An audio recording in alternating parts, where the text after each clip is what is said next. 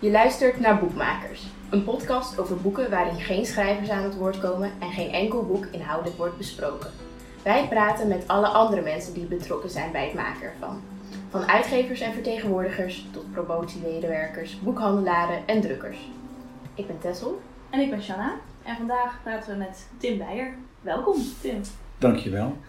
Ja, we hebben je geprobeerd, uh, zoals we met iedereen uh, doen, uh, te researchen op het internet. Maar dat viel, viel eigenlijk niet mee.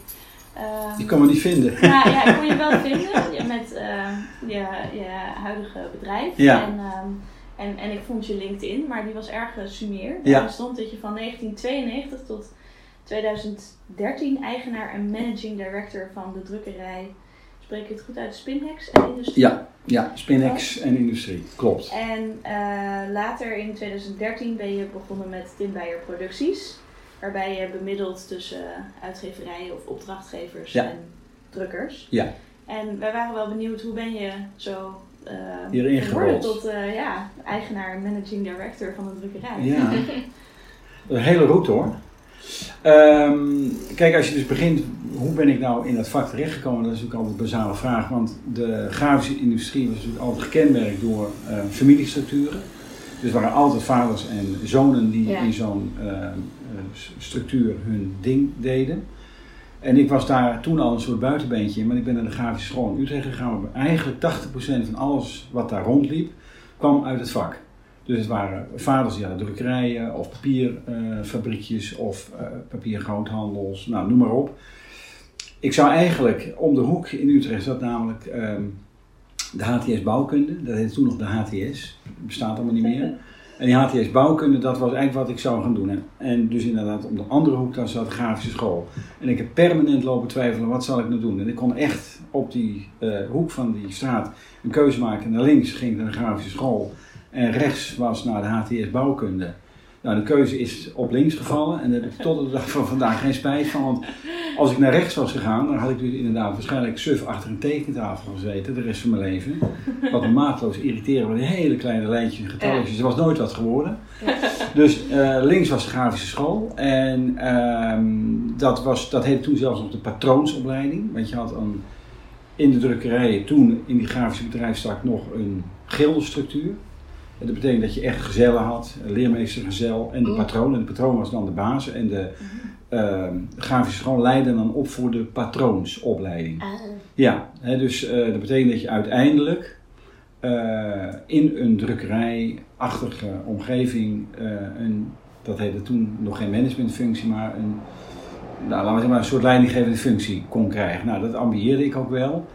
En heb toen die opleiding, die duurde vier jaar, afgerond en heb toen in een grafisch vakblad een advertentie gezet van wie wil mij hebben. En daar kwamen toen ongelooflijk veel reacties op. Ah. Onder andere, dat weet ik nog heel goed, van Jumbo van de spelletjes. Een soort omgekeerde contactadvertentie. Dat is wel ik ben, handig. Ja, ja. Ik kan me indenken dat het moeilijk is als alles van vader op zoon gaat. Precies. Dat je dan, Ja. ja. Ja, en ik had natuurlijk nul connectie. En, um, uh, maar goed, die advertentie in dat uh, vakblad leidde ertoe dat ik geloof ik zes of zeven reacties binnen een week al had, waarvan één Jumbo van de spelletjesfabriek toen was. Dat vond ik waanzinnig. Maar ja, die, die zochten wel iemand die ongelooflijk veel wist van het vak. Nou, dat had ik toen totaal niet. En toen ben ik uh, uiteindelijk gaan werken bij grafische machinehandel. En dat was maatloos interessant, want dat uh, was ook een importorganisatie vanuit uh, Japan en China, uh, voormalige Oostblok machines inkocht. En dat in Nederland neerzet en installeerde. Maar toen had ik al zoiets van, ja, dat is voor de basale kennis is dat verder prima, maar ik had continu zoiets van, ik wil meer zijn dan alleen maar de, de contactpersoon tussen de klant en de leverancier en meer die leidinggevende kant op. Dus toen, toen had ik zoiets van, ik ga een soort vijfjarenplan uh, neerzetten voor mezelf. Eerst doe ik vijf jaar opdoen van kennis en daarna wil ik dan doorgroeien naar iets. Nou, dat doorgroeien naar iets is toen ook wel gelukt, omdat ik naar een drukkerij ben gegaan waar ik dan, en dat klonk heel mooi, adjunct-directeur werd, maar dat was niet meer en minder dan directieassistent. en uiteindelijk ben ik bij een drukkerij aangekomen, wel als directeur, maar geen eigenaar. En dat irriteerde me toen ook weer heel erg, want ja, dan zit je toch natuurlijk op een plek waarbij een ander uiteindelijk bepaalt op basis van uh, meestal inkomstenstromen en gelden eh, hoe het gaat en hoe het geregeld moet worden. Maar wat houdt het dan nog in als je directeur bent? Nou, dan, dan eh, stuur je in feite een organisatie aan, maar 100% zeggenschap zit niet bij jou. Dat zit meestal bij aandeelhouders of Ja. bij, eh, eh, in dit geval, een familie. Dus eh, toen had ik zoiets van, nou, ehm, wil je het volledig voor het zeggen hebben, dan moet je inderdaad eigenaar gaan worden. En wat voor soort dingen waren er dan die je eigenlijk zelf zou willen beslissen, die dan nu bij iemand anders Nou, bijvoorbeeld investeringen, ehm, maar met name ook welke kant wil je nu opgaan met een, met een bedrijf. Mhm. En dus als het een familiebedrijf is, die ehm, is erg gefocust op de continuering. En zullen niet echt heel snel stappen maken waardoor ze afwijken van het geëikte pad. Ehm, wat was, dat moet zo blijven. Terwijl ik zoiets had van ja, nee, je moet ook op een gegeven moment natuurlijk de tijdgeest volgen en aanpassingen gaan doen daar waar je dat zou moeten doen. Zonder het dogma van zo'n familie te moeten hebben. Dus ja, dat kun je dan op dat moment ook alleen maar doen door ehm, iets zelf te gaan doen. En toen ben ik, ehm, niks is toeval in het leven, toen kwam ik gewoon op pad bij eh, een, een, een jongen van mijn leeftijd. Die had net een heel klein drukkerijtje gekocht hier overigens vlakbij aan de Hemweg. Ik werkte daar met vijf man. En toen had ik zoiets, ja maar weet je, dat, dat is uit te bouwen, is wat mee te doen. En ze waren toen al een klein beetje actief in de, in de kunst- en cultuursector. En ehm, nou, toen ben ik daar naartoe gegaan en toen, toen zijn we dat uit gaan bouwen. Dus ook commercieel, om hoe kun je nou een orderpakket krijgen of hoe kun je dat nou zo organiseren dat een bedrijf volume gaat krijgen. Want als je volume hebt, toen in een grafisch bedrijf had je geld en als je geld had kon je machines kopen. En als je machines hebt, ja, dan ben je in feite in staat om de vraag die er ligt te beantwoorden. En ja, nou ja, heel lang verhaal kort maken, want zo lang hebben we natuurlijk ook weer niet. ben ik uiteindelijk dus mede-eigenaar geworden van een drukkerij. En eh, we hebben later nog een keer een grotere drukkerij, hè, dus Klein Duimpje kocht vervolgens de Reus. En toen waren we in één keer een, een, nou ja, een redelijk groot bedrijf geworden van 35 man voor een drukkerij in die dagen. Dat was groot. Zo, ja. Ja, En, maar was dat, wa- wat, wat, wat maakten jullie toen? Eh, nou, wat wij- wat- wat ik- het veel breder? Ja, wat ik, nou, wat ik op een gegeven moment zelf eh, eh, aanvoel, is met de wijsheid eh, met, met terugwerkende krachten, vind ik, is dat altijd. Want toen was het allemaal bedenken van, god, zou dat wel zo zijn en werkt het wel zo? Maar ik had het gevoel dat je moet, moest iets gaan doen met kunst, eh, en cultuur. Dus met name eh, wie er toen erg in opkomst waren en groot werden, waren de grafische ontwerpbureaus. Dus het waren eerst, ehm, dat is trouwens nog een heel verhaal, maar dat komt straks wel. Kijk, die grafische industrie ehm, had in feite eh, de alleenheerschappij op alles wat er verveelvoudigd werd. Ehm, een ontwerper die tekende en die maakte ooit iets, en dat, dat waren of illustratoren of eh, typografen werden dat toen nog genoemd. En later werden dat ontwerpers. En door de techniek die veranderde, werden die ontwerpers, onze opdrachtgever, eigenlijk onze leverancier op een gegeven moment. Want ooit was het zo dat een auteur bijvoorbeeld, die eh, deed op zijn typemachinetje, eh, ging hij zijn boek maken en zijn teksten tikken. En dat werd op een gegeven moment overgenomen door een systeem, waardoor de auteur, dan wel de ontwerper zelf, dat ging maken. Ehm, en dus de drukkerij hoefde toen op een gegeven moment ook helemaal geen teksten meer te gaan zetten en geen opmaak meer te verzorgen. Dus we verschoven een heel stuk productie eigenlijk naar eh, de opdrachtgever, dan wel naar de klant toe. Ja. En, dus, eh, en wie waren nou degene die dat meest eh, deden? Dat waren ontwerpbureaus of, of ontwerpers. Dus ik had zoiets van, als je daar nou aan verbindt, dan weet je in ieder geval dat je hele mooie dingen gaat maken. Maar je weet ook dat je een soort relatie gaat opbouwen, waarbij je dan inderdaad samen iets aan het doen bent. En eh, de uitkomst of de output daarvan ertoe doet. Nou, dat, dat, en dat is eh, gelukt uiteindelijk. Ja. Ja, dus we, eh, we, we hebben toen een soort eh, systeem ontwikkeld dat je, dat noemen we ook een soort drie-trapsraket, dat je eerst moest zorgen dat je in de basis aanwezig was. Dus we gingen heel veel doen met de academies in Nederland. Eh, en dus alle kunstacademies waar een grafische afdeling was, daar maakten wij contact mee. En dan hadden we allerlei projecten hebben we ermee ontwikkeld samen met de BNO. Maar dat was dus, dat kon van alles zijn. Dus dat kon er ook zijn eh, posters Ja, of weet ik veel. Ja, het was eh, precies. Het werd niet gedicteerd door dat het iets moest zijn in boekvorm, maar het kon inderdaad eh, visitekaartjes zijn. Dus het ging om het de totale breedte van het pakket dat je dat kon maken. En nou ja, de uitdaging was altijd dat het wel iets moest zijn wat niet voor de hand liggend was en wat altijd een uitdaging bood. Dus eh, recht toe recht aan was het nooit. Nee. Dat heeft ook heel veel eh, gedoe opgeleverd uiteraard, want het wiel moet natuurlijk niet iedere keer opnieuw uitgevonden willen worden. En ehm, dus dat was aan de basis bezig Ja. zijn met, eh, met de studenten. Vervolgens hebben we allerlei projecten eh, opgezet met de BNO zelf. En we hebben een reeks ontwikkeld aan boekjes waarbij we een zintuig gaven aan een ontwerpbureau. En een ontwerpbureau mocht zelf dat zintuig uitwerken. Nou, daarmee kreeg je natuurlijk ongelooflijk mooie eh, uitingen. En eh, da- daarmee hebben we ons op de, op, de, kaart gezet. Dus dat leidde er uiteindelijk ook toe dat er ook dat in het buitenland ook gezien werd. En ehm, we heel veel export ook deden. Dus met name naar eh, Ierland bijvoorbeeld. En omdat er, dat was op- zich opmerkelijk, wist ik ook niet. Maar er lag, een enorme duidelijke lijn tussen ontwerpers uit Ierland en Nederland. En dat heette ook Oranje en Green. Dat is nog steeds een bestaande connectie. Oh, Ja, en ik ben op een gegeven moment in die connectie aangekomen. En daardoor gingen we heel veel werk doen voor de gemeente Dublin bijvoorbeeld. Was bizar, want er zat er een Nederlandse drukker de jaarverslagen te maken voor eh, Dublin Maar wat City is dan voor Council. hen het eh, voordeel? Want je moet het dan toch weer helemaal verschepen. Ja, zelfs dat namen ze op de koop toe. Ah. Het, eh, eh, eh, het feit dat het in Nederland gemaakt werd, het feit dat je het eh, als Iers eh, bu- bureau importeerde vanuit Nederland, gaf allemaal een soort meerwaarde. Omdat de Nederlandse drukkers die stonden, staan denk ik nog wel redelijk hoog aangeschreven. Dus als je als Iers ontwerpbureau kon zeggen, we hebben dat laten doen daar en daar in Nederland, ja, dat gaf nog meerwaarde. Ja, Dat ja, is grappig. ja. Zijn er nog eh, foto's of eh, Ja. zo van die dingen die je toen hebt gemaakt? Ja, oh ja, heel veel. de- Ja, ja, ja, heel veel. Daar in de show notes. Voor de show notes. Ja, ja, Ja. Nee, er zijn prachtige boeken gemaakt. eh, ehm, maar ook heel veel. Hè, dus de jaarverslagen voor eh, Dublin City Council, zeg maar. Dus de, de, Ja. de, de gemeenteraad van Dublin, daar waren juweeltjes. En het aardige daarvan is, het moest ook altijd in twee talen gemaakt worden. Mhm. We waren Ja. natuurlijk daar zo nationalistisch als de Pieten. Dus het moest in de Gaelic gedaan worden en in het Engels. Dus Ja. ook altijd dubbele omvang. Ja.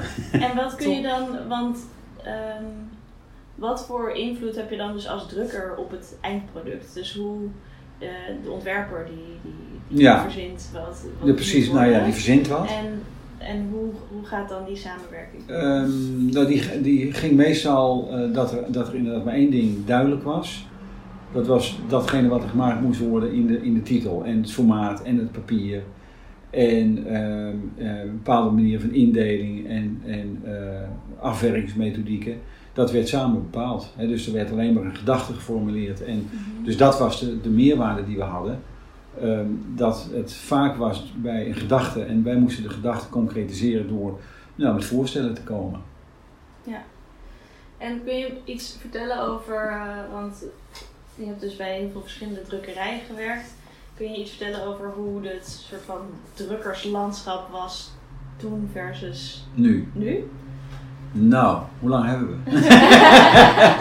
Kijk, er, er, er was ooit. ehm kalligrafische industrie die heeft zeg maar tot de 70 jaren eigenlijk bestaan uit een, nou wat ik net al zei, een soort gilderachtige setting. Ja.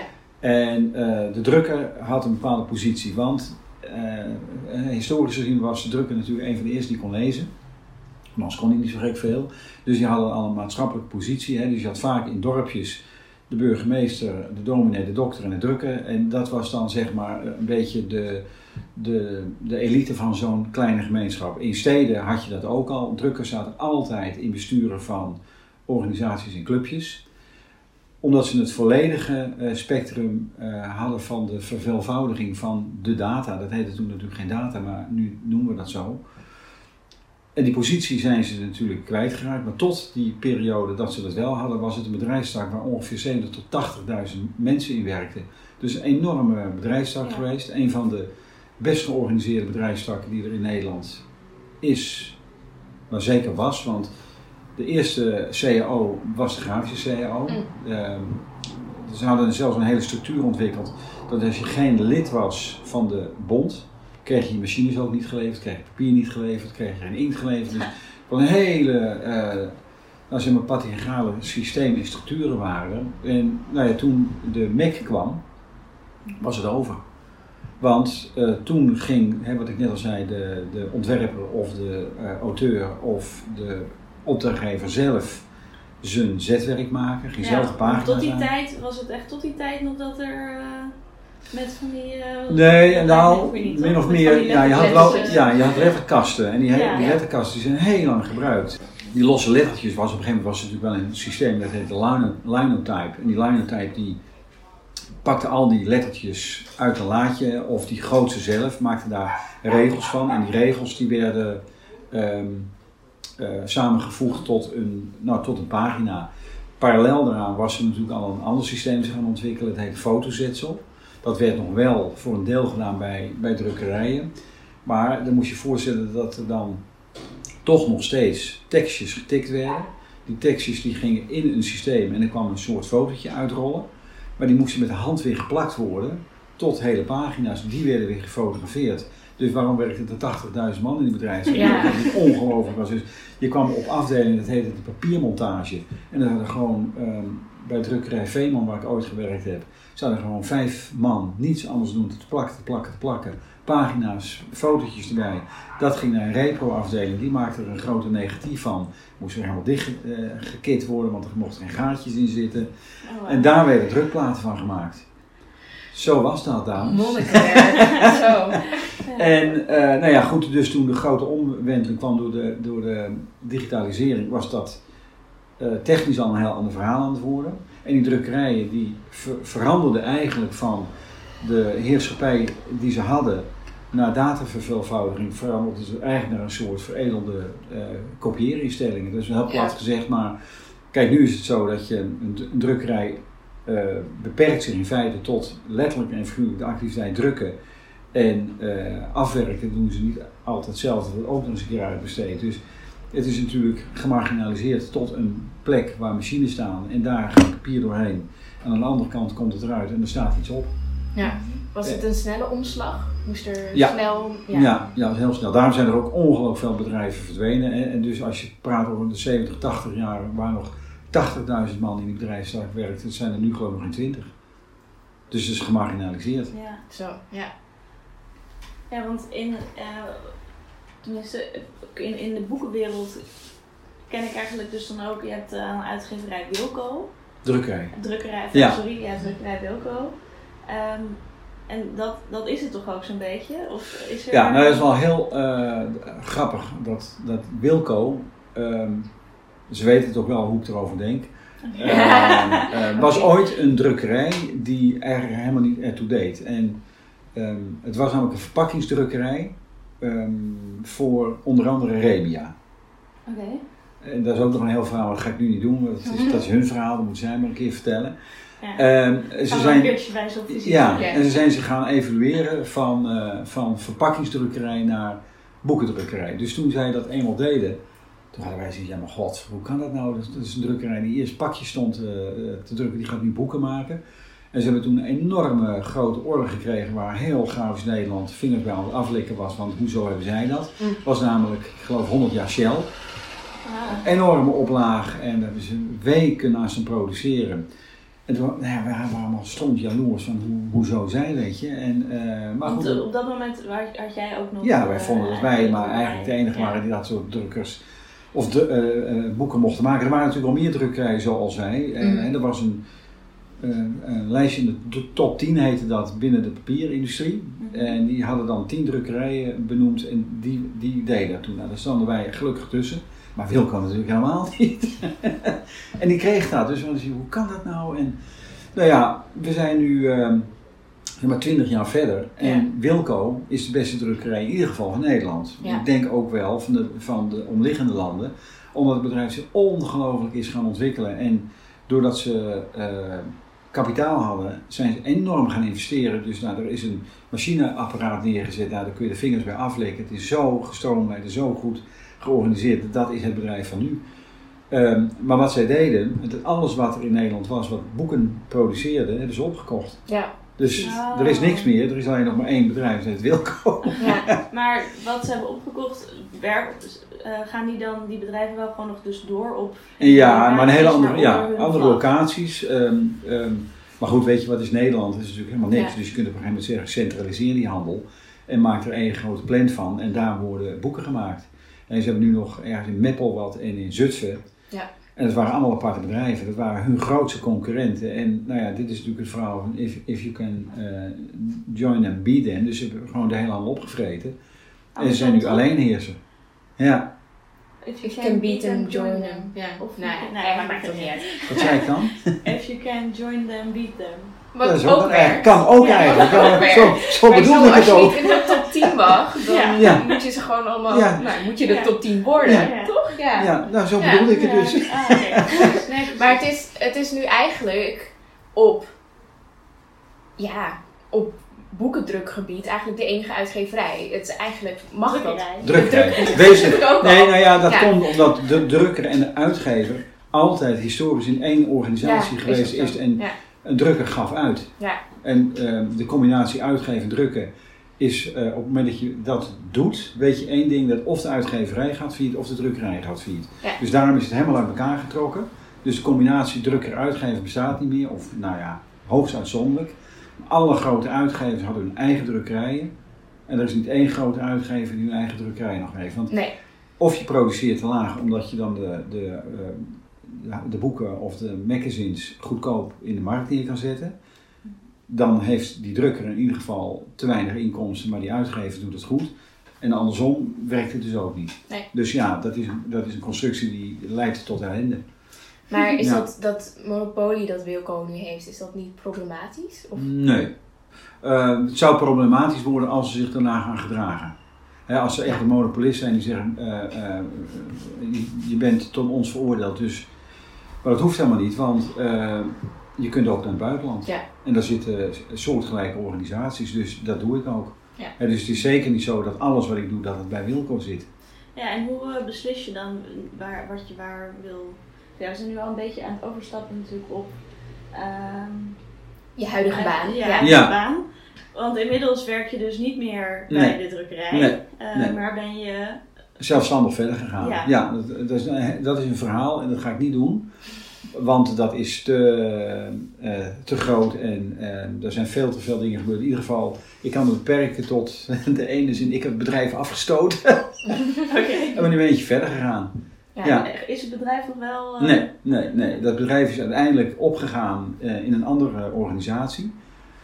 En eh, waar had het in feite mee te maken met eh, eh, aandelen, eh compagnonschappen, eh, nou ja, en, eh, eh, verwachtingen, bla bla bla bla bla. Ja. Dus het huwelijk, het zakelijk huwelijk was op een gegeven moment over en ik had zoiets, ik ga nu iets voor mezelf doen. En, eh, dus dat was echt op, eh, uit mijn hoofd, eh, eh, 30 april 2013. Want het was een vrije dag en dan denk ik, ja, en hoe nu verder? Ik had echt ook van de een op de andere dag bepaald, ik doe dit niet meer. En ehm, eh, op 1 mei moest ik iets gaan doen. Dus ik ben eh, naar de Kamer van Koophandel gegaan, heb me ingeschreven. Heb Mooie website gemaakt. een mooie website gemaakt via een, eh, een, een bevriende ontwerper. En nou ja, toen heb ik vanaf 1 mei de contacten die ik al jarenlang had gewoon benaderd. Van, nou ja, ik ben gestopt, ik ga dit en dat doen. En 2 mei eh, wist ik eigenlijk al niet eens meer wat ik het eerste en het laatste moest doen. dus dat, dat is ongelooflijk snel. Ja, weet je, daar mag ik God op de blote knieën voor danken dat het zo gegaan is. Want dat had natuurlijk ook totaal anders kunnen gaan. Dat je op een gegeven moment meldt op 1 mei van, goh, nou ik stop ermee, ik ga dit doen. Dat mensen zeggen, nou fijn voor je. En Ja, succes ja. Succes. Maar dat was vanaf 2 mei ging dat al lopen. En dat is natuurlijk, wat dat betreft, is de combinatie van je eigen energie erin stoppen en het geluk hebben ehm, dat eh, er andere partijen zijn die dan samen met jou iets willen gaan doen. En, en wat is het wat je nu eh, doet? Nou ja, wat ik, wat ik nu doe is dat er eh, opdrachtgevers zijn die in feite zeg maar, het hele printstuk, om het maar zo te noemen, ehm, hebben liggen, maar er geen mensen voor in dienst hebben die weten hoe ze dat moeten doen. En de, en de, de, de discrepantie zit natuurlijk daarin dat datgene wat ze doen over het algemeen niet middel of te rood is. Dus je moet er wel kennis voor hebben om te weten hoe doe je dat nou op een goede manier en hoe laat je het maken en waar zitten de valkuilen. En eh, dat kan zowel op eh, technisch gebied als logistiek gebied zijn. Dus daarin zit dan mijn toegevoegde waarde dat daar waar een organisatie wel eh, de uitgaventrajecten hebben, maar niet de mensen, dat ik daar de, de loze ruimte invul. Eh, dus ik hoef niet naar een reclamebureau te gaan Dus ze zeggen van joh, ik kan voor jullie dat drukwerk organiseren en regelen. Maar die hebben daar productiemensen voor rondlopen. Grote uitgeverijen hebben zelf productiemensen rondlopen. Ja. Dus dat hoef ik ook niet te weten. Maar ik hoef me ook niet te melden bij eh, de opdrachtgever, die komt vanzelf. Dat was de jaren daarvoor. Moest je niets anders doen dan acquisitie, acquisitie, acquisitie, tot je erbij neerviel. En dan Ja. hopen dat er een offerte-aanvraag kwam. En dan was het nog mooier als die nog eens een keer doorging. Terwijl nu is het zo dat je, en dat is natuurlijk ook een kwestie van anciëniteit zeg maar, dat je nu een leeftijd bereikt hebt, maar een enorm stuk ervaring daarvoor hebt liggen. Waardoor partijen er zijn die mij vragen van, we zitten daarmee, kun je dat doen? En, en het is allemaal begonnen ehm, met een puur toevallige samenloop van omstandigheden, maar zo gaat het. Ik had eh, ooit het dikste boek wat er ooit in Nederland gemaakt is geproduceerd van Ruben Steeman. Oh ja, van eh, elke dag. eh, Elke dag, elke dag rust. En hij maakt iedere dag een tekening. Mhm. En op een gegeven moment had hij er 2500 gemaakt en die moesten gebundeld worden. Dat was dan ja, een gigadik boek is dat geworden. Jeetje, Ja. ja. En ehm, Ook met dun papier, toch? Of- heel dun papier, ja, ja, ja. En ehm, het boek had ik dus uitgezocht en uitgerekend ehm, hoe dik dat kon worden. Mhm. Alles was gedaan, alles was eh, klaar en het was al gedrukt ook. En vervolgens ging het naar de binder. En die zei, ja, het is te dik geworden. Want wat was er namelijk gebeurd? Tijdens het proces had Ruben gezegd, ja, 80 gram vind ik toch eigenlijk iets te dun. Kunnen we niet naar 90 gram? Ah. Niemand, ik ook niet, had erbij doorgedacht dat daardoor het Ja. boek dikker werd. Het past niet meer onder de snijmachine. Ja. Oh. Dus we hebben het hele boek uit elkaar moeten trekken. In eh, twee aparte eh, sessies moeten afwerken. En vervolgens weer in elkaar moeten zetten. Oh, wauw. Ja, dus eh, nou ja, dat, maar dat heeft volgens mij nog steeds een Guinness Book of Records gehaald. Want het is nog steeds het dik geproduceerde boek wat er is. Oh. En eh, op een kwade dag, nee op een goede dag, eh, kwam Twan van Das Mag. Die hadden natuurlijk Das Magazine. En die wilde boeken gaan produceren ook, want dat leek ze heel interessant. En die is toen Ruben gaan bellen van, joh ja, we gaan boeken maken, maar we hebben er geen klap verstand van. Ja. En zei Ruben, nou dan moet je Tim bellen. Ah. En zo is het gekomen. En ben je ook op die, via Das Mag dan weer bij de correspondent terecht Ja, gekomen? ja. En weer bij Pluim. En bij Pluim. Ja. ja. Ja, Want dat zijn nu de en, via, en bij het concertgebouw. Ah. Want het is één grote sneeuwbal dan, waar je het net Ja, over ja. had. Want eh, alles hangt aan elkaar. Ja. En, de, en die uitgeverijen die groeien alleen maar. Want als je Das Mag ziet, maar ook Pluim, weet je, het is allemaal gemiddeld eh, drie tot vier titels per maand komen eruit. En, maar hoe, eh, hoe houd je daar dan toezicht op? Of wat, wat, wat, wat ga je dan...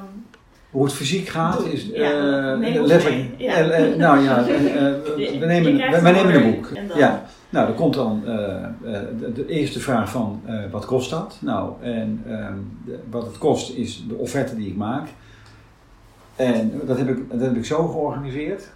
Ehm, er zijn heel veel mensen die dit op deze manier ook doen, maar die zetten dan, maken een offerte en dan zeggen ze het boek kost dat en dat en daaronder staat daar begeleidingsuren en tijd die zij ervoor nodig hebben en die zetten ze er apart bij. En dan is de orde klaar en dan zeg je ja, ja nee, het viel toch een beetje tegen, we hebben toch meer uren eraan gespandeerd, dus eh, dan komt er nog eens een keer een extra bedrag overheen. Nou, dat vond ik irritant, dat is voor mezelf, maar ook voor degene die, eh, waarvoor ik dat dan doe. Ja. Dus heb ik eh, geredeneerd van, als ik nou heel veel werk doe bij drukkerijen, eh, hoeven zij het niet te doen. Zij hoeven niet een vertegenwoordiger naar de klant te sturen, ze hoeven geen orderbegeleider daarop te zetten, dat doe ik allemaal. Dus haal dan van die kostprijs die er ligt eh, iets af, waardoor het tarief wat ik van hun doorberekend krijg vele malen lager ligt wanneer jij het zelf aan zou vragen. Nou, dat is de constructie. Dus in die loze ruimte kan ik mijn eigen uren kwijt. En of het dan twee uur is wat ik erin moet stoppen of acht uur, dat maakt mij niet uit. Weet je, eh, het bedrag is het bedrag.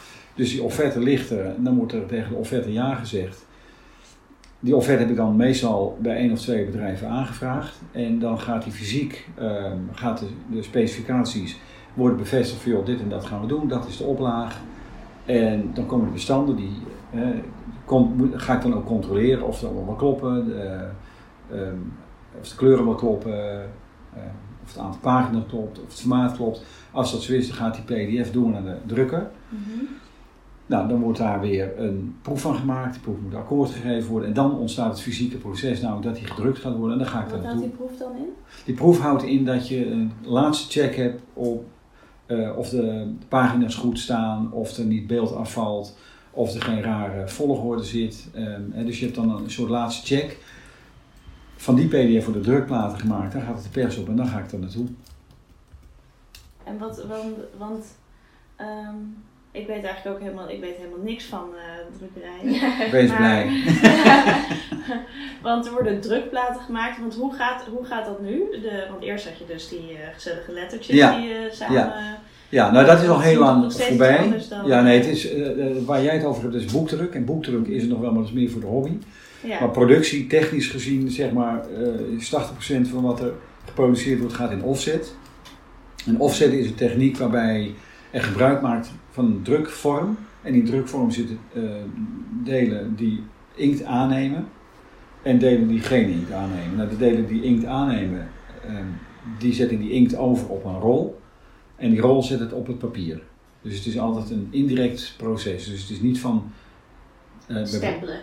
Nee, exact. Ja. Boekdruk en stempel is identiek. Dan namelijk in zijn drukvorm gaat in één keer komt die op het materiaal. En offset doet dat via een cilinder die ertussen zit. Oké. Eh, dat is heel abstract, dus dan kunnen we het helemaal aan- gaan uitdiepen. Hoe dan? Maar dat is veel te complex allemaal. Maar als je het niet ziet, dan heb je zoiets, my god, waar gaat het hier over? Maar in ieder geval, dus dat is de techniek. En dat gaat meestal op eh, vier kleuren persen als het eh full color is. En bij boeken zijn het meestal zwart-wit persen ehm, ehm, die ook nog eens een keer omgesteld kunnen worden. Waardoor je aan eh, een vel papier wat er doorheen gaat aan beide kanten in één keer bedrukt wordt. Nou, dan komen er dus uit die machine grote vellen, dat noemen ze plano drukvellen. Mhm. En die worden gevouwen en gaan er een binder toe. En dan wordt het, nou ja, afhankelijk van de techniek, of genaaid gebonden, Ja. of gebrocheerd, dus paperback-achtig. Hebben we het al over boeken, hè. Dan Ja. ook nog een hele reeks andere dingen, maar Ja. als we het over boeken hebben, is het dit. Ja, en jij doet dan, neem ik aan, ook de papierinkoop. Of... Ja, dat ligt eraan. Als het eh, zeg maar bij Wilco geproduceerd wordt, dan ligt er gewoon voorraad voor mij voor de boeken die er geproduceerd worden op jaarbasis. Maar als het nou papier is wat eh, uit het buitenland komt, doe ik het zelf. Dus Ja. er komt ook heel veel papier uit Italië en uit Engeland. En dat koop ik zelf in, of Japan bijvoorbeeld. Ja. Ja, dus dat koop je zelf in en dat lever ik dan bij de drukker. En dan wordt er weer geproduceerd. En waarom gaat dat dan via jou en niet via de drukker? Omdat die drukker over het algemeen helemaal geen contacten heeft met dat soort papierleveranciers. D- dus dat is een verandering van de tijd. Ehm, een bedrijf als Wilco heeft eigenlijk maar een paar soorten papier in hun magazijn liggen. En die kopen ze dan zelf in bij de fabrikant, in dit geval vaak in Zweden. Maar er zijn natuurlijk ongelooflijk veel andere soorten papier. Ehm, en een bedrijf als Wilco is natuurlijk heel gestandardiseerd op bepaalde soorten en op bepaalde formaten. Dus op het moment dat dat nou afwijkt en het zijn soorten van bijvoorbeeld J.F. Smith uit Engeland, een eigen papierfabriek, of Shaolin uit eh, Japan, ja, daar hebben ze nul kennis van. Nou, dat is wat ik wel geleerd heb natuurlijk bij mijn eh, vorige baan, dat er heel veel eh, aparte papierfabrieken zijn met geweldige soorten. Ik had eh, ooit stage gelopen bij Lumax. Dat was een gigantisch groot bedrijf in Utrecht. 350 mensen werkten daar toen. Nou, dat is helemaal weg en, en, en verdwenen. En er werkte een inkoper. En die konden mij een stuk papier geven. En dan likte hij eraan en wist hij waar het vandaan kwam. Ah. Sorry, dat lijkt me heel naar, maar ik vind het wel heel indrukwekkend. Er zat namelijk op eh, papier zit een couche, de- dus glad papier zit een couche, een soort krijtlaagje. En dan kon hij eraan likken en dan kon hij precies, oh, dat komt daar vandaan. Oh. Het is ook een bijzonder talent. Ja, ja, ja, ja. Ja. ja. Hij leeft ook niet meer. Ja. Zat waarschijnlijk toch niet iets goeds in die couche. Maar dan zijn we nu denk ik eh, aanbeland bij de vraag die ik eerder wilde stellen. eh, en dat we toen concludeerden dat we eigenlijk nog niet op het punt waren dat ik die kon stellen. namelijk, hoe beslis je dan wat je waar wil laten drukken? Want je gaat dus Ja. regelmatig naar het buitenland. En wat, wat, ja, hoe maak je Nou, eh, ja, die keuze die wordt eigenlijk over het algemeen bepaald door, door geld. Dus op het moment dat je zegt van eh, het wordt te duur in Nederland, omdat, kijk daar waar een opdrachtgever op een gegeven moment een heel simpel spreadsheetje heeft waar aan de onderkant staat eh, wat het boek moet gaan kosten in de winkel, gaan we terug naar boven en dan blijft er een bepaald bedrag over voor productie. Nou, als het nou zo is dat dat in Nederland niet kan vanwege de kosten, want er zit in Nederland gewoon een soort minimum, Ja. dan moet je naar het buitenland. En eh, ja, dat, dat, dat zijn vaak de voormalige Oostbloklanden. Of in mijn geval ga ik heel vaak naar Bosnië. Dat is een onvoorstelbaar mooi bedrijf, net zo groot als Wilco. Beter geoutilleerd zelfs dan Wilco, dat je dat niet voor kan stellen. Ik ben er geweest, uh, ik geloof vorig jaar, en daar staan gewoon robotten. Dus die robots staan gewoon uh, uh, katernen die uit de machine komen. Die worden in Nederland opgepakt en in, in een station neergezet, waardoor het vervolgens opgepakt wordt door de machine. En in Bosnië, um, in het plaatsje Commuun zitten ze, daar, daar staat die robot en die pakt die katern op en die brengt ze naar de machine. En dat gaat in een tempo wat ongelooflijk hoog ligt. En de zuiverheid waarmee die machine of die robot werkt, die is vele malen hoger dan wanneer mensen dat doen. Dus uh, het is niet eens zozeer dat het altijd om geld moet, maar het gaat ook vaak om uh, ook kwaliteit en snelheid. He, dus je maakt, en ik wil ook niet te afhankelijk zijn van één leverancier. Dus op het moment ja. dat je alles bij één leverancier neerlegt en je hebt geen connecties met anderen, dan maak je jezelf ook zwak. En ga je dan ook nog wel eens nog verder? Dat je als in nog verder buitenland? Nee, hoeft niet meer tegenwoordig. Nee, er was ooit een tijd dat je naar China moest gaan, maar Ja. China maakte natuurlijk een enorme uh, omwenteling door in economisch opzicht. Dus die lage lonen die ze hadden, hebben ze helemaal niet meer. Dus dat, dat, dat is uh, op dit moment zelfs duurder dan het Oostblok. Ja. Ik ben nu met een, een uh, productie bezig voor een doosje waar kaarten in zitten. Nou, dat is in Bosnië willen 30% goedkoper produceren dan China. Oh, wow. Ja, dus dat, en, China produceren was ook totaal niet fijn, want je zag niks, je wist niks, uh, uh, je moest van tevoren betalen. Eerst 30% bij productie, 30% als die in de haven van Rotterdam neergezet werd.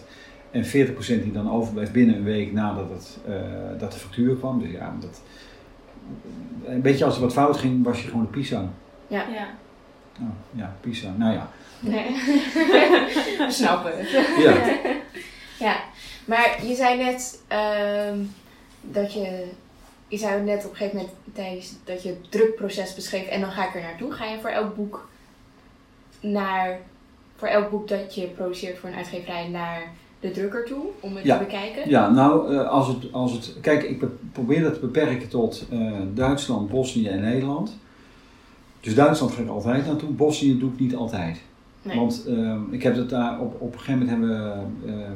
Ik doe, bijvoorbeeld ook de productie van de boeken voor het Nederlands Bijbelgenootschap. Ook weer via Dasmag. Interessant. Ja. Um, en daar heb ik op een gegeven moment normvellen laten maken. Dus als er een herdruk van een boek gaat komen, hebben we op een gegeven moment bij de, bij de eerste twee drukken normvellen gemaakt. Gezegd van de, de waarde van zo'n drukvel, dat kun je meten. Dat noemen ze densiteiten en puntverbreding, zijn allemaal grootheden. Dus die hebben we helemaal gedefinieerd. Zo, dat moet het zijn.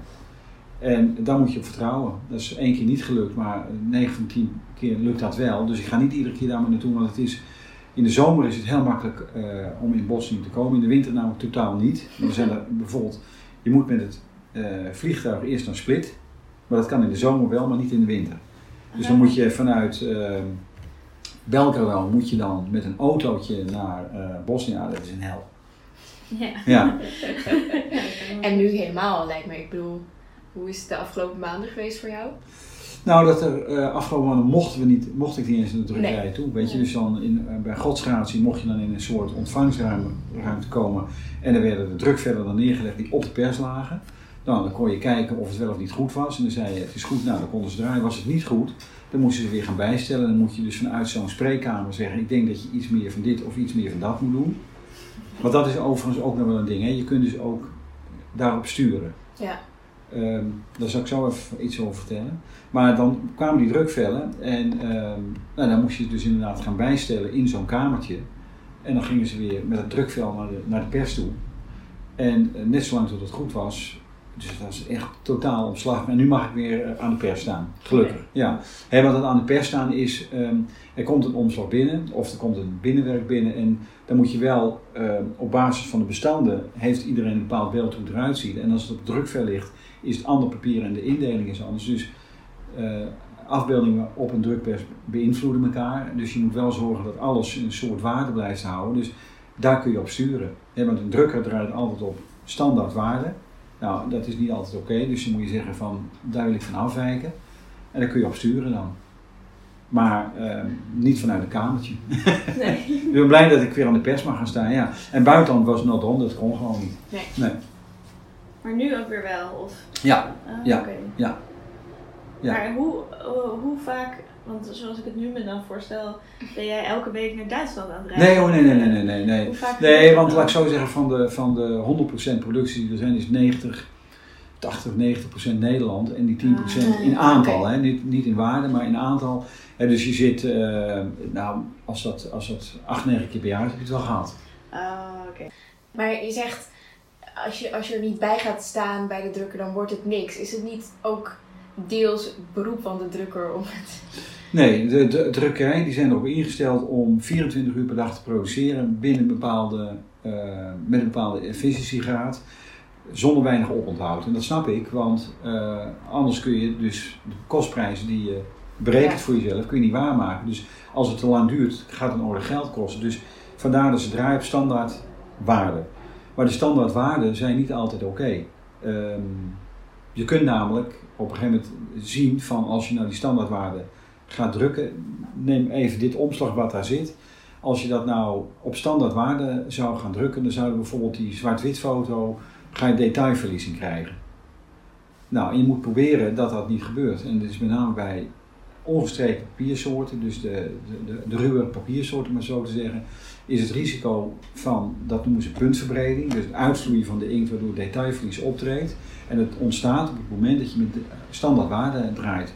Dus die drukker is niet zozeer gefocust op de afbeelding, maar die is gefocust op zijn eigen meet- en regelapparatuur. Mm. Nou, daar zit de discrepantie in feite dat ik kijk naar het plaatje en die drukker kijkt naar zijn standaardwaarde. En Ja. daar moet je een soort compromis in gaan vinden. Ja. Dus dat, dat is wat ik doe. Dan. Ja. Ja. En ik zag volgens mij op je website dat je ook bijvoorbeeld voor Paulien Cornelissen, die nu zelf, eh, Uitgeefster boeken Ja. ja, uitgeeft, ehm, ook de productie doet. Is dat dan nog heel anders samenwerken dan met Ja. een uitgeverij? Absoluut. Oké. Ja, nou, omdat Pauline namelijk donders goed weet wat ze wil. Ja. Ja. Ja, dus ik eh, doe dat eh, samen met Harminke Medendorp, die jullie Ja. ook kennen. Dus door Harminke ben ik in feite met Pauline in contact gekomen. Maar Pauline heeft heel uitgesproken ideeën over hoe het moet voelen. En hoe het eruit Mm. moet zien. Dus, ehm, ehm, maar dat is, dat is wel een kwestie van heel veel sparren met elkaar. Van dit kan wel en dat kan niet. En als je nou eens dit doet, gebeurt er dat. En als je dan dat doet, gebeurt er dit, weet je wel. Dus er is wel heel veel uitwisseling. Mhm. En heel veel proeven maken we en maken heel veel dummies. En eh, ze- ja, weet je, zij wil echt, voordat er iets geproduceerd wordt, eh, eigenlijk tot, eh, tot in het kleinste detail gezien hebben hoe het eruit ziet en weten hoe het voelt. Gaat ze dan ook mee naar de drukker? Ja. En is het dan ook nog, want bijvoorbeeld dat laatste boek van uh, Pauline Cornelissen had dan een, eh, was veel kleiner. Ja, Maakt dat ook nog qua, qua eh, kosten en zo die je dan maakt uit of je afwijkt van het standaardformaat van boeken? Of is dat... ja da- absoluut. Kijk, zolang je binnen standaardformaten blijft. ehm, bijvoorbeeld een, een, een centimeter vergroten aan een boek waarvan je denkt, ja, waar gaat het over? Kan het wel 30% meer gaan kosten ineens? Oh, wauw. Ja, omdat er standaard papierformaten zijn en standaard persformaten. Zou je er net één stapje meer doen en dan passen er minder pagina's op zijn drukvel. Ja. En dan nemen de kosten gigantisch toe. Ja. Ja. Maar dat boekje Tijdje- van... Hè? Ja, een tijdje terug hadden wij een boek, een boek dat bij, eh, volgens mij, eh nou, in Litouwen of zoiets ergens werd gedrukt opeens. En toen moest het 2 mm kleiner en dat bespaarde volgens mij 20%. Ja. Dat was echt Ja. bizar. Ja, ja. Ben ik ook veel geweest trouwens, Litouwen. Ja, ja. Ja. Maar, ehm, nou zei je net wat, dan weet ik het niet meer. Ja, volgens mij wil je nog iets gaan aanvullen over, over het kleine, kleine Oh ja, nee, bijvoorbeeld bij Pauline, en daar kun je zien hoe ze, hoe ze into the details is. Heb je eh, zilverfolie Ja. eh, op dat boekje eh, Japan in 100 kleine stukjes. Oh ja. En daar hebben we zelfs proeven voor gemaakt van wat is nou het verschil als de zilverfolie onder het laminaatlaagje ligt of als die er bovenop Ah, ligt. en wat is het geworden? Eh, eronder. Want eh, als hij te erop zou liggen. Ja, nou ja, en niet helemaal. Als hij erop ligt, heb je net iets meer effect van het zilver. Want het was zilverfolie. En als hij eronder ligt, heb je het net iets minder.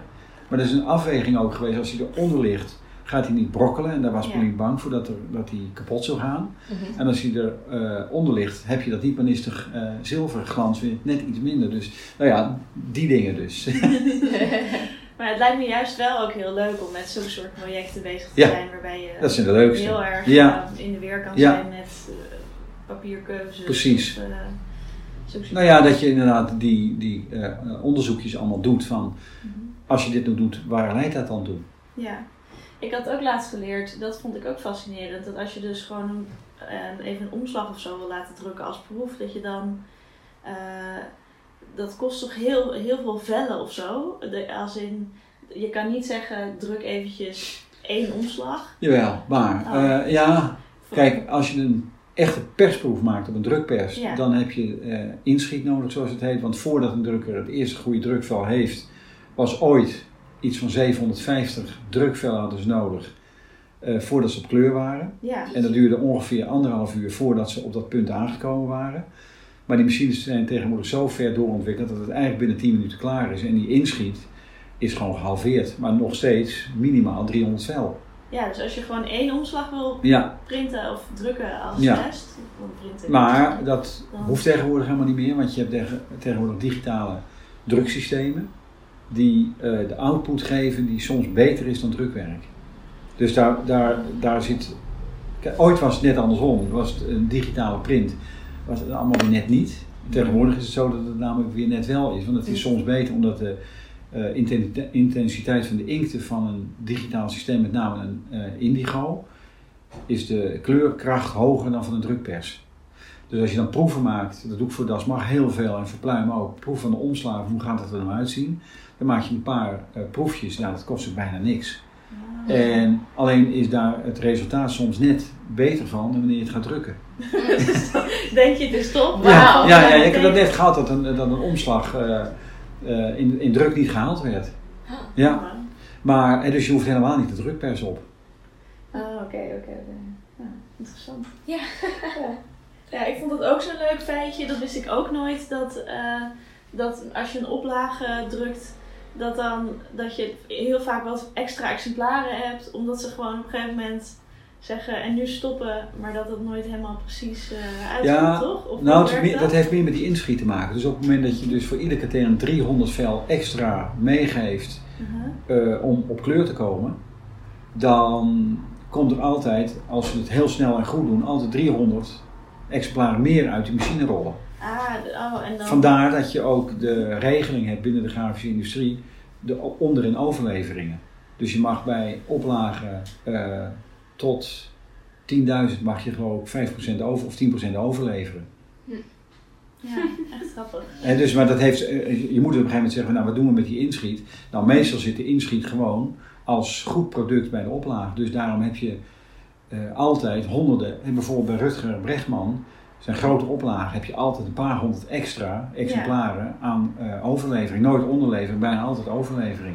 Ja, omdat dan dus het de, al op kleur is gekomen. Juist, en ze waren snel en het was goed op kleur. Andersom werkt het natuurlijk ook. Op het moment dat je te lang aan zijn, druk, aan zijn drukpers op de pielen en ehm, de inschiet wordt gebruikt, maar ook een deel van de oplage, ga je onderlevering hebben. Ja. Maar dat mag ook. Hm. Ja, Grappig. Ja. En heb je, je noemde net al bijvoorbeeld dat project van, eh, van, eh, eh, over het, allerdikste boek ooit. Waarom nu? Heb je misschien nog wat andere van zo'n soort eh ja bijzondere... als ik eraan denk, dan heb ik van, oh my god, het was gewoon een hel. Eh, er is een, een eh, bureau hier in Amsterdam geweest en die wilde een boek hebben waar binnen een week de inkt verdween. Maar dat kan. En er is een Ja. ingenieur in Argentinië. En die heeft het ooit een keer eh, ontwikkeld. Een, een boek gemaakt van een hele bekende auteur uit Argentinië. Ik weet niet wie dat was. Dus ik ben die man op gaan zoeken. En eh, ik heb gevraagd, goh, eh, maak je die inkt? Ja, dat deed hij. En eh, heeft een speciaal potje inkt gemaakt. Zodat dat boek gedrukt kon worden. En nou ja, zo gezegd, zo gedaan, die inkt kwam naar Nederland toe. Wat niemand heeft geweten, daar zat een eh, houdbaarheidsperiode op. Dus op het moment dat die inkt te lang in het potje zat, verloor het zijn kracht. Nou, wat was er nou gebeurd? Ehm, ehm, de opdrachtgever had de teksten klaar en de proeven zouden gemaakt worden en alles zou in productie gaan. En toen kwam er van hogerhand iemand die zei, ja nee, teksten zijn niet goed. Dus eh, het hele spulletje moet weer opnieuw geredigeerd worden. Dus we kregen toen ongeveer drie tot vier weken uitloop in die Oh, productie. nee. Maar die inkt die zat lekker in die pot. En eh, die eh, inkt verdwijnt onder invloed van aanraking met zuurstof. Mhm. Normaal bij offsetdruk is het zo dat juist die inkt blijft en hard uit. Het is oxidatief drogende inkt, dus de inkt droogt door in contact te komen met zuurstof. Deze inkt was zo ontwikkeld dat die eh, zou verdwijnen door in contact te komen met zuurstof. Dus het moest goed in die pot zitten, Het was va- vacuüm getrokken. Eh, ik had die testen ook gemaakt, testen waren gelukt. Ik was naar een bedrijf gegaan in Veghel, die maakte vacuümeer, eh, had vacuümeerapparatuur. Dus ik ben Ja. daar met boeken naartoe gegaan, heb die boeken vacuüm laten trekken. Ook dat was nog een heel bizarre ervaring, zou ik vertellen. Ik kwam daar en toen lagen er gigantische grote witte kledenlagen daar. Ik, ik zei, wat is dit? Dat bleken lijkzakken te zijn. Dat was toen eh, voor, voor eh, oorlog in, ik denk dat het Syrië geweest is, moesten ze natuurlijk, heel veel lijkzakken hadden ze daar nodig. Want er werden natuurlijk bizar veel mensen werden daar, eh, kwamen daar om en die moesten gevacumeerd worden. Oh. Want anders was er te veel volume in het vliegtuig. Dus op die apparatuur moest ik Moest ik die, eh, die boeken gaan laten vacuümeren. Dus een bizarre ervaring. Ja. En nou ja, goed, die boeken werden eh, vacuüm getrokken. Dus er zat geen zuurstof bij. En ehm, nou ja, dat werkte allemaal, zag er goed eruit. Alleen een maand nadat het boek in productie ging, was er toch blijkbaar door het dekseltje zuurstof in die inkt gekomen. Dus het boek is gedrukt. En de inkt staat er nog steeds in. 20.000 boeken. Oh, Ja. Ja, ja, ja, ja. Nou ja, uiteindelijk eh, krijg je dan een discussie, ja, hoe kan dat? Ja, dan kun je heel makkelijk zeggen, ja, die inkt is verrot, want dat was natuurlijk ook zo. Maar ja, dat, niemand heeft echt ooit bij stilgestaan dat dit zou kunnen gebeuren. Ja. Ja, dus dat was inderdaad even een project denk, oh ja. Maar het is dus uiteindelijk, die, nu zijn de boeken gewoon, het, het, het verdwijnidee is gewoon... eh, Ja, het is, meer- ja, het is in feite kun je het, het is moeilijk leesbaar, maar die inkt zit er nog wel een beetje op. Het is nooit verdwenen. Maar dat boek wat toen gemaakt is in Argentinië, ja, dat is gewoon eh, binnen een week had die auteur, moet je het lezen, doe je het niet, dan eh, heb je de, je kans voorbij laten gaan. Dus inkt weg. Een. Heb je een blanco Ja. boek? Ja, ja. Maar als nu nog iemand naar je toe zou komen met, eh, ik wil weer een... Ja, maar dan eh, weet je nu van, ja, denk je, ja, kom maar op. kom maar op, absoluut, ja. Ja, ehm, we dachten, eh, ik denk dat we langzaam richting eh, de afronding moeten gaan, maar we dachten misschien nog leuk om even over te hebben eh, over ehm, de toekomst. Eh, ik ben wel benieuwd, want je zit nu natuurlijk al eh, heel lang in het vak. Eh, Een bejaarde oude kerel zit hier. dus dat probeer ik niet te zeggen. Ik Nee, maar ik haal het er wel uit. je, wijs, je wijsheid en je kennis te benadrukken. Oh ja. Maar, ehm, nou ja, ik ben dus wel benieuwd hoe, je, hoe jij denkt dat het, dat het zich nog gaat ontwikkelen. Ja. En- Nou, daar heb ik altijd ook wel een heel duidelijk beeld bij gehad. Oké, Ehm, nou, perfect. en dat vergeleek ik altijd met de muziekindustrie. Want op een gegeven moment hadden we natuurlijk eh eh, vinyl. En vinyl werd overgepakt door eh, cd's, hè, dus digitaal. En digitaal werd overgepakt door eh, online eh, Spotify-achtige structuren. Dus daarmee zou je denken, is er, dat wat ooit was compleet aan het verdwijnen. Er wordt nog nooit zoveel vinyl gemaakt als nu. Ja. Ja, Hè, dus niet in de, het volume wat er ooit gemaakt werd, maar er wordt ongelooflijk veel vinylproducties gedaan. En bij die grafische eh, industrie zie ik hetzelfde gebeuren. Dus dat je wel ziet dat het door-evolueert, dat er heel veel kennis online gedeeld gaat worden. Dat zie je ook, magazines, eh, boeken, eh, eh, huisstijl, eh, dragen zoals briefpapier en dat soort gedoe. Mhm. Dat zie je allemaal verdwijnen. En aan de, aan de andere kant zie je dus een soort niche zich ontwikkelen. Waarbij er boeken geproduceerd worden dan wel andere uitingen die ertoe doen. En dus waar het absoluut gaat om de vorm en om het materiaal. En dus dat zie ik gewoon blijven. Ik zie dat nooit, eh, ik zie dat nooit verdwijnen. Nou, dat, vind ik wel eh, prettig. Eh, proberen zo duurzaam mogelijk te drukken en uitgeven. Denk je dat daar ook meer, merk je dat daar ook al Nee. meer interesse of Nee. Nee, helaas niet. Op het moment dat het gros van de uitgeverijen hoort van oh, het is 20, 30 procent duurder, nou, dan is de gedachte milieu heel snel verdwenen hoor. Oké. Ja, ja, dat, Ja. dat is ook, er is een ongelooflijk groot aanbod aan papiersoorten die zo ongelooflijk eh, milieuvriendelijk zijn, dan wel uit het milieu komen. Bijvoorbeeld olifanten, graspapier, noem alles maar op. Of papier gemaakt van eh, afval.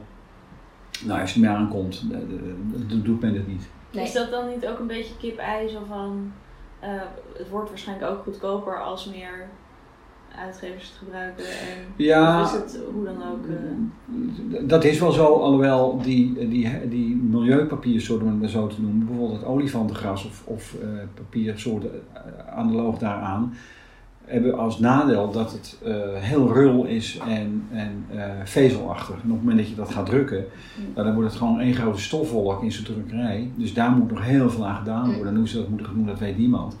Dus die machinesnelheid die ligt lager. Ah, Weet je, dus ook daar, tussen twee kanten, het materiaal is duurder en de productiesnelheid gaat naar beneden. Dus ja, daar moet in ontwikkeld worden. Maar ik vraag me af, gezien de tijd waar we nu in aankomen, of dat gaat gebeuren. Want ehm, kijk, op het moment dat je ziet dat steeds meer gedigitaliseerde data wordt die eh, eh, gedeeld wordt met elkaar, vraag me af of er zoveel geld vrijgemaakt wordt om eh, die exercitie te onderzoeken van hoe kunnen we dat nou wel ehm, zo krijgen dat het geschikt is voor productie. Ik denk dat dat namelijk alweer te veel geld gaat kosten.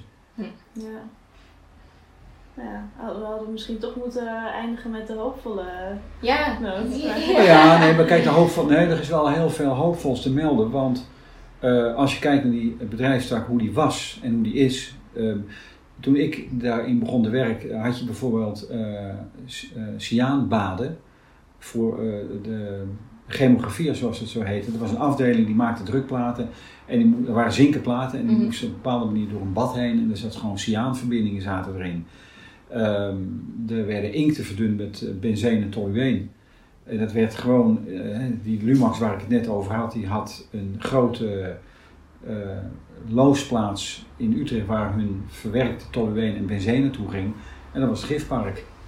Wie kent het niet? Of kennen jullie het niet? Gifpark, Nee. gifpark was de eerste, je had, eh, volgens mij was het de tweede grote gifschandaalindustrie, in, in Nederland zelfs. Oh. En, eh, ongelooflijk eh, hoeveelheid gif zat er in de grond in een woonwijk bij het Wolferplein. Oh. Daar lag het vlakbij. Ehm, en dat, dat hele gebied, dat is, dat, de hoeveelheid tolueen die in die grond zat, konden ze er niet eens uitkrijgen. Dus er ligt één grote betonnen wand, geloof 30, 40 meter diep in de grond. En daar ligt die rotzooi nu in. En dat was de grafische industrie van toen. Dat leverde dit soort eh, effecten op. En tegenwoordig is het allemaal gerecycled, allemaal gesloten systemen. Dus, en dat gaat gewoon verder. Ja. Ja. Ja, dus de milieu-impact van de grafische industrie wordt steeds minder. Dus dat is het hoopvol. Ja. Dan kunnen we weer rustig slapen. Ja, Ja. doe dat. En dan eindigen we altijd nog ehm, met eh, ons eh, enige rubriekje, namelijk eh, over het boekenbal. Want ik ben er dus nog nooit geweest. En, en ieder jaar rondom het, de Boekenweek wordt de boekenbal georganiseerd. En nou ja, zolang ik nog niet mag komen, ehm, probeer ik nu verhalen en ervaringen van anderen te verzamelen. Dus we vragen altijd, ben je wel eens op het boekenbal Ja, geweest? nou, zo, ant- ja, wat is je meest memorabele Ja, ja, herinnering? ja, nou het antwoord is nee, dus geen en herinnering. Maar wel dat ik er bijna was. Eh, via Das Mag. Alleen toen kwam Das Mag net natuurlijk in de positie dat ze eh, eh, eh, niet geliefd meer waren bij eh, het boekenbal. En toen zijn die kaartjes niet verstrekt en zij mochten er ook niet meer komen. Dus ik Nee. ben nooit geweest. Helaas. ja. Want geen lid van de... Dat was het toch? Ja, ze waren geen lid. Ja, precies. Ja. Ja, ik vind dat toch fascinerend dat je, ehm, dat, dat je zo lang in, de, in het boekenvak werkt en dat dat dan, ja, dat je er nooit bent geweest. Nee, maar ik heb ook het idee dat dat ehm, ehm, zich beperkt tot een hele vaste kern die namelijk altijd wel komt. Ja. En alles wat er een beetje omheen dwarrelt, dat dat er eigenlijk toch in die, in die in komt. ja. Ja. Ja. nou ja. Ja.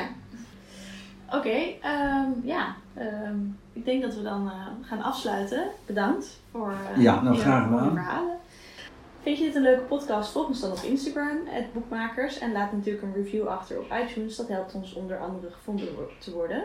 Voor nu is dit het einde van seizoen 1. Houd onze Instagram in de gaten voor updates over seizoen 2. Wie zou jij bijvoorbeeld gast willen hebben in seizoen 2? Laat het ons weten via Instagram of mail ons op boekmakers.gmail.com. Tot het volgende seizoen. Doeg!